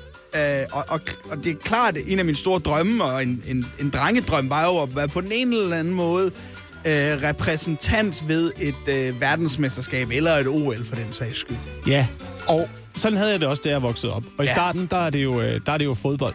Ja, ja, 100 Man, procent. du ved, man skal på landsholdet, ikke? Man Ja. vil gerne repræsentere øh, Danmark, man vil gerne til verdensmesterskabet. Så, så ryger den drøm ligesom, Ja, du ved. lige så snart man ah, gu- begynder at ah, drikke jeg havde, ikke, jeg havde ikke formen eller fysikken, eller, øh, Det var jeg ikke god nok eller viljen til at lade være med at holde fest og dedikere mig 100% Præcis. til, øh, til fodboldspillet. Og derfor, altså ja, samme, samme øh, grund som dig, Jacob, så søger jeg jo også stadigvæk i min alder sådan, øhm, hvad skal man sige, den korteste vej fra lallende amatører til et øh, verdensmesterskab. Og det, der er tilbage nu, øh, har jeg indtrykket af. Hvad er det? Er det dart og petang? Jeg tror, dart vil være svært stadigvæk. Men, men, men, men petang, altså, jeg, jeg tænker, og, og nu tænker jeg bare højt her, så, øh, så langt kan der ikke være. Det, det er at kaste en kugle efter en gris. Hvornår øh, afholdes VM i petang? Det gør det På, øh, på øh, dansk grund? øh, lige i midten af maj måned. I midten af maj måned. Okay. Så der er lidt over en måned til, ikke? Jeg vil, jeg vil sige, at vi her på morgen på Radio 100 har tænkt os at gå øh, all in på VM i øh, petang. Vi skal selvfølgelig have... Det er vi Øh, da nødt til. vi skal selvfølgelig have sendt øh, korrespondenter ud. Ja. Vi skal have lavet reportager. Må det være mig? Det må det gerne. Og hvis du samtidig også kunne øh, forsøge, om øh, du kunne øh, komme med til VM. Altså battle mod øh, verdensmestre, simpelthen. Vi kan godt prøve at finde den bedste, den bedste spiller i, øh, i petang, og Ja. se, om, øh, om, se om du kunne matche på en eller anden måde. Ja. Kunne matche. Altså, jeg vil På en eller anden måde have en chance for at kvalificere sig. Det vil jeg meget gerne, fordi jeg tror også, jeg vil være sådan en type spiller, der vil øh, prøve at ødelægge spillet for den anden, når jeg står i sådan en situation. Altså simpelthen bare forsøge at ramme deres bolde konstant. Eller kugler. Jeg ved ikke engang, hvad det er. Jeg skulle måske lige have styr på termerne fuldstændig, inden, øh, inden, jeg, kommer, øh, inden jeg kommer frem til det. Men jeg, jeg, det må utvivlsomt være en af de korteste veje til et verdensmesterskab. Og øh, jeg kan da godt sige, at jeg, øh, jeg glæder mig til, at, øh, at VM i petang kommer til, øh, til Danmark. Ja, det gør jeg også, og man glæder sig også i Karlslunde. Der er allerede nu ved at blive bygget et kæmpe stadion Ja, med øh, plads til omkring 23 tilskuere. Velkommen indenfor til Morgen på Radio 100, hvor vi nu kan byde velkommen til quizzen ugen, der gik på 60 sekunder. Og øh, byde velkommen, mine damer og herrer, til denne uges quizdeltager, som er Oliver. tak. Tusind tak. Det er en ære endelig at få lov til at være med i den her quiz. Oliver, du er øh, 26 år gammel, kommer ja. fra Vesterbro, og så arbejder du til daglig som øh, radiovært på øh, Radio 100. Det er rigtigt, ja. Ja, er du, øh, er du sådan en, der følger med i nyhederne? Jamen, jeg vil jo sige, kvæg mit arbejde som radiovært på Radio 100, som du helt rigtigt siger, der sender jeg jo sammen med Jacob Wilson og uh, Anne Lavendt, så er jeg jo lidt nødsaget til at holde øje med, med nyhedsbilledet, men det er ikke alt, jeg lige husker så godt, vil jeg også sige. Ja, men vi må øh, se, hvor godt velbevandret du er ude Ja. i ugens nyheder, når vi skal spille ugen, der gik på 60 sekunder. Ja. Kan du høre, hvordan jeg forsøger at skabe et... Øh, Quizshow-stemning. Ja, quizshow-stemning. Du, du er god til det. Man skulle tro, du havde været, været vært på sådan noget lørdagsunderholdning på et tidspunkt. må- Måske, vi, vi mangler noget, jeg synes, vi mangler noget indpakning dog, Ja, til, den her, vi til, den her, øh, til den her quiz. Der mangler noget, du ved, du ved fanfare og ja. nogle skilte, der viser, at publikum skal klappe. Vi har Og- en quiz nu. Kan vi lave sådan her? Ja, ja, ja, ja. Et eller andet, et eller andet. Det finder vi ud af i fremtiden. Nu skal vi i hvert fald øh, spille ugen, der gik på øh, 60 sekunder. Jeg har nogle spørgsmål her, Oliver, Ja, og de handler alt sammen om ugens begivenheder, og øh, du har 60 sekunder til at svare, okay. og så må vi se, hvor øh, mange du får rigtigt. Er du klar? Mm-hmm. Okay, så starter vi ugen, der gik på 60 sekunder. Hvem spillede i denne uge sin sidste tenniskamp i Royal Arena? Karoline Wozniacki. I denne uge blev vi opmærksomme på en bestemt type fest, hvor der er fri bar til den første går på toilettet. Hvad hedder festen? Uh, Pisfest. Hvem købte i denne uge en stor andel af den sociale medieplatform Twitter? Elon Musk. Hvem overhalede Jeff Bezos som verdens rigeste menneske med en formue på 1475 milliarder? Elon Musk. Hvem lykkedes skede Viktor Orbán efter valgsejren i Ungarn? Pas. Hvor mange spisesteder i Tyskland har taget øh, noget af menukortet, fordi man er løbet tør for madolie? Hvad har de taget af menukortet? Pomfritter. Hvilken region i Danmark kommer der oftest... Eller øh, i hvilken region region i Danmark kommer dem, der oftest kører for hurtigt på landevejen? Øh, de kommer fra Midtjylland. Midtjylland. Hvad hedder danskeren, som i denne uge fik debut i den amerikanske basketballliga NBA? Gabriel Ifel Lundberg. Og hvem blev i denne uge afskedet som klummeskribent for Ekstrabladet? Ja, Inger Støjberg. Desværre. Desværre. Oh. Sidste spørgsmål. Sidste spørgsmål øh, blev ikke noget i øh, quizzen, men øh, det, var rigtig, det var rigtig flot, Oliver. Det synes jeg. Lad os prøve at se, om øh, vi kan gennemgå, gennemgå nogle af svarene Ja her. tak, det kunne jeg godt tænke mig. Altså, øh, den første tenniskamp, der blev spillet, Ja, det var, det, øh, det var Wozniacki jo, ikke? det var, det var ganske rigtigt. Det var ganske rigtigt, øh, Wozniacki er. Og, øh, så, og øh, festen, hvor flest mennesker, eller hvor man gik på toilettet, Ja, ja. Øh, det, var, det var rigtig nok, det var pisfest. Ja. Pisfest, ja. Manden, der købte en stor andel af Twitter, det var Elon Musk. Ja, så det er tre. Verdens rigeste menneske. Det er også Elon Musk. Det er fire. også Elon, Elon Musk. Øh, så var det øh, Vladimir Putin, der lykkeønskede øh, Viktor Orbán Åh, efter valgsejren i Ukraine. to banditter. Ja. Og øh, det var rigtigt, at øh, i Tyskland, der har mange spisesteder taget pomfritten af menukortet, Ja, fordi man, man er ved at løbe tør for madolie. Ja. Øh, Midtjylland er det rigtige svar. Det er oftest dem, der kører for hurtigt. De kommer fra Midtjylland. Og øh, så er det rigtigt, at danskeren, der fik øh, debut i NBA, hedder Gabriel Ifel Lundberg. Ja, Og det sidste spørgsmål nåede du ikke, hvem der blev afskedet fra. det var Inger Støjberg, var det? det var Inger, Inger øh, Støjberg. Så altså, hold nu op. Tre, jeg tæller sammen her. 1, 2, 3, 4, 5, 6. Syv rigtige. Det er da meget godt. Syv ud af ni. Det synes jeg, da er pænt. Tillykke, Oliver. Tak skal du have. Med, øh, med, ja, med, altså, man kan sige med sejren. Du er også ligesom den eneste, Ja, ja. der er stillet op. Men det var altså sådan, vi spillede. Ugen, der gik på 60 sekunder. Vi skal øh, kigge på påsketraditioner her i øh, Morgen på Radio 100. Øhm, vi er jo alene, Oliver, Ja, i dag, men øh, vi, skal alligevel, vi skal alligevel se på de her traditioner, fordi øh, jeg er lidt interesseret i det, fordi jeg er jo typen, der har børn. Og de, øh, de spørger jo tit, hvor ting kommer fra. Ja, og vi skal snart lege øh, påskelejen, hvor, øh, hvor haren gemmer ting ude i haven. Og øh, på et eller andet tidspunkt, så kommer spørgsmålet. Far, hvor, hvor stammer påskeharen fra? du er godt forberedt dig. Så jeg, prøvede, jeg har prøvet at forberede mig. Jeg har prøvet at sætte mig ind i, hvad, hvad er det her for en tradition? Ja. Hvorfor, hvorfor har vi en, øh, en, en hare, der kommer med æg og, og gemmer dem øh, for os i haven? Øh, Se, den analyse har jeg faktisk aldrig lavet. Det er en hare, der kommer med æg. Det er jo lidt underligt, faktisk. ja, men det er jo fordi, at hare og, og chokolade jo er tegn på... Prøv, at- altså, der, det giver ingen mening. Det giver ingen mening, Oliver. Det giver ingen mening. Og øh, jeg prøvet at sætte mig ind i det, og øh, det viser sig, at øh, forsk- der er forskere, der har kastet sig over det her emne også. Ja. Og selv forskerne har svært ved at finde ud af, hvorfor det er, at, at vi har den her tradition. Det eneste, man ved, det er, at traditionen den stammer tilbage fra øh, Tyskland. Man kan spore den tilbage til 1700-tallet. Men først fra omkring 1920'erne, der har man, øh, har man øh, set, at den her hare er kommet, øh, kommet til Danmark, og det er der, at traditionen ligesom har, har taget fart i Danmark. Så det er, en, det er en tradition, der kommer fra Tyskland, ligesom juletræet. Ja, ligesom juletræet, ja. ja. Og er kommet ind over grænsen i øh, Sønderjylland, hvor, som det første sted, hvor børn begyndte at lede efter påske, påskeæg i haven. Der er så dog, man mener så dog det, at det, der er sket, det er, at selvfølgelig er sådan noget som æg og, øh, og harekillinger er jo forårsbebudere. Ja, Så det er, jo, det er jo en ting, der sker nu. Ikke? Jeg kan se på, på mine høns derhjemme i hønsegården, de begynder at lægge markant flere æg nu. Nå, Efter at øh, det begynder at blive lidt lysere i vejret og en lille smule varmere.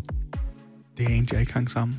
Ja, Så det er, noget, det er noget med de der små forårs, øh, forårstegn, Men der begynder man, at komme. kunne, man så ikke gøre det til noget lækkert? Altså så sige, øh, det er stenbiderovn er da også en forårsbebuder. Altså, så er der gemt stenbiderovn ude i haven. Tommy Fisker, han har lige været forbi, og så har han gemt øh, et halvt kilo stenbiderovn ude i haven. Nå, det vil jeg da hellere have, end jeg vil have påske Ved du hvad? Den er, øh, den er købt. Den er købt, Oliver. Det gør jeg til næste år, så glæder jeg mig ud som en stor stenbider og øh, går rundt i haven og gemmer snaps. Ja, Snaps og snaps stenbiderovn. og stenbiderovn. Ja. Det er, da- det er en fed påskefrokost, umiddelbart. Ja, altså påsketradition for voksne. Ja. Velkommen indenfor i uh, programmet, og jeg siger, det er fredag, fordi det er snart weekend, og ikke nok med, at det snart er weekend, så er det også snart påske. Og en af de ting, som jeg nyder i uh, påsken, Oliver, det er jo at uh, sidde derhjemme helt stille i en sofa og se en, uh, en rigtig god, dårlig film. Ja, du sagde det til mig så sent som for en 20 minutters tid siden, om at du glædede dig til at komme hjem i aften og sidde med et glas rødvin, og så bare se en eller anden dårlig actionfilm. Jamen, det er sådan en... Øh, jeg ved ikke, hvad det er for mig. Det er sådan en øh, ferie... Øh, ja. en, en, en ferietradition. Jeg kan godt lide op mod jul, så er det jo sådan noget... Altså, du ved, så er det jo, de, så er det jo klassikere. Så er det klassikere. Så er det, så er det Ja, jo noget Die Hard, måske. Øh, Ja, en klassisk julefilm. ja, en klassisk julefilm. Måske øh, Ringenes Herre. Ja. Extended, version. Extended alle, version. Alle, øh, alle i træk. Øh, sådan noget, ikke? Men vi skal, vi skal, se, vi skal se på nogle af de øh, film, som, øh, som udkommer. En ny film, som du har fundet på internettet. Vi skal lidt rundt om internettet, og det er jo... Ja, det er, der er lidt mærkeligt ved den her film. Ja, jeg har simpelthen jeg er faldet over en film, som irriterer mig ret meget, faktisk. Uh, det er en nyhed, jeg fandt om en, en film, der er filmet tilbage i 2015. Uh, Ja. Og så tænkte jeg, nå, fedt nok, den har jeg ikke lige hørt om. Uh, og grunden til, at jeg ikke har hørt om den, er fordi, at den uh, først bliver udgivet i år 2115. Ah. Altså 100 år efter man har lavet filmen, så udgiver man den. Og den har så fået undertitlen, og det irriterer mig endnu mere, The Movie You Will Never See. Er det, er det bare det, der er konceptet, eller hvad? Eller er der, er der nogen grund til, at man venter øh, 100 år? Ja, men der, der er en grund til det, fordi der er en eller anden øh, whisky, som lagres i 100 år, før den bliver, øh, hvad hedder det, bragt ud til øh, forbrugeren af whiskyen. Og det er så det stunt, man har lavet med den her film, hvor man siger, ja, vi har lavet en film, du skal vente 100 år på den, ligesom du skal med din whisky. Jamen, handler filmen om whisky? Nej, øh, fremtidsportræt simpelthen. Jamen, Jamen Jacob, det er derfor, det irriterer mig. altså, det gør mig vred. Hvad? at jeg ikke kan se den her film. Og ved du hvad, altså jeg tror, det her, det er muligvis, og det har jeg respekt for til gengæld, det bedste marketingstunt, jeg har mødt meget, meget længe. Øh, ja. Udover at, lige, at vi ikke ved, hvad filmen hedder endnu. Nej, men den har bare fået undertitlen The Movie You Will Never See. The Movie You Will Never See. Ja, den udkommer om, ja, der er jo så ikke 100 år til nu, men altså... Okay. Altså, der vil jeg sige, der har jeg da en lang liste over øh, film allerede. Som du aldrig har lyst til at se. Der er Bridget Jones. der er Klassefest. Ja, alle, alle de der. Altså, det, det tror jeg. Centervagten. Ja. om man så venter 100 år, så, så tror jeg altså ikke, de kommer i... Øh, Det er nok ikke en, der kommer til at, at, at derhjemme. score ekstremt mange point på IMDb og hvad ved jeg. Men jeg synes, det er et godt stunt at simpelthen lave en film og så sige, yes, den bliver udgivet om 100 år. altså, The Movie You Will Never See har premiere i 21.15. Ja, om 93 år må det være. Det her er morgen på Radio 100.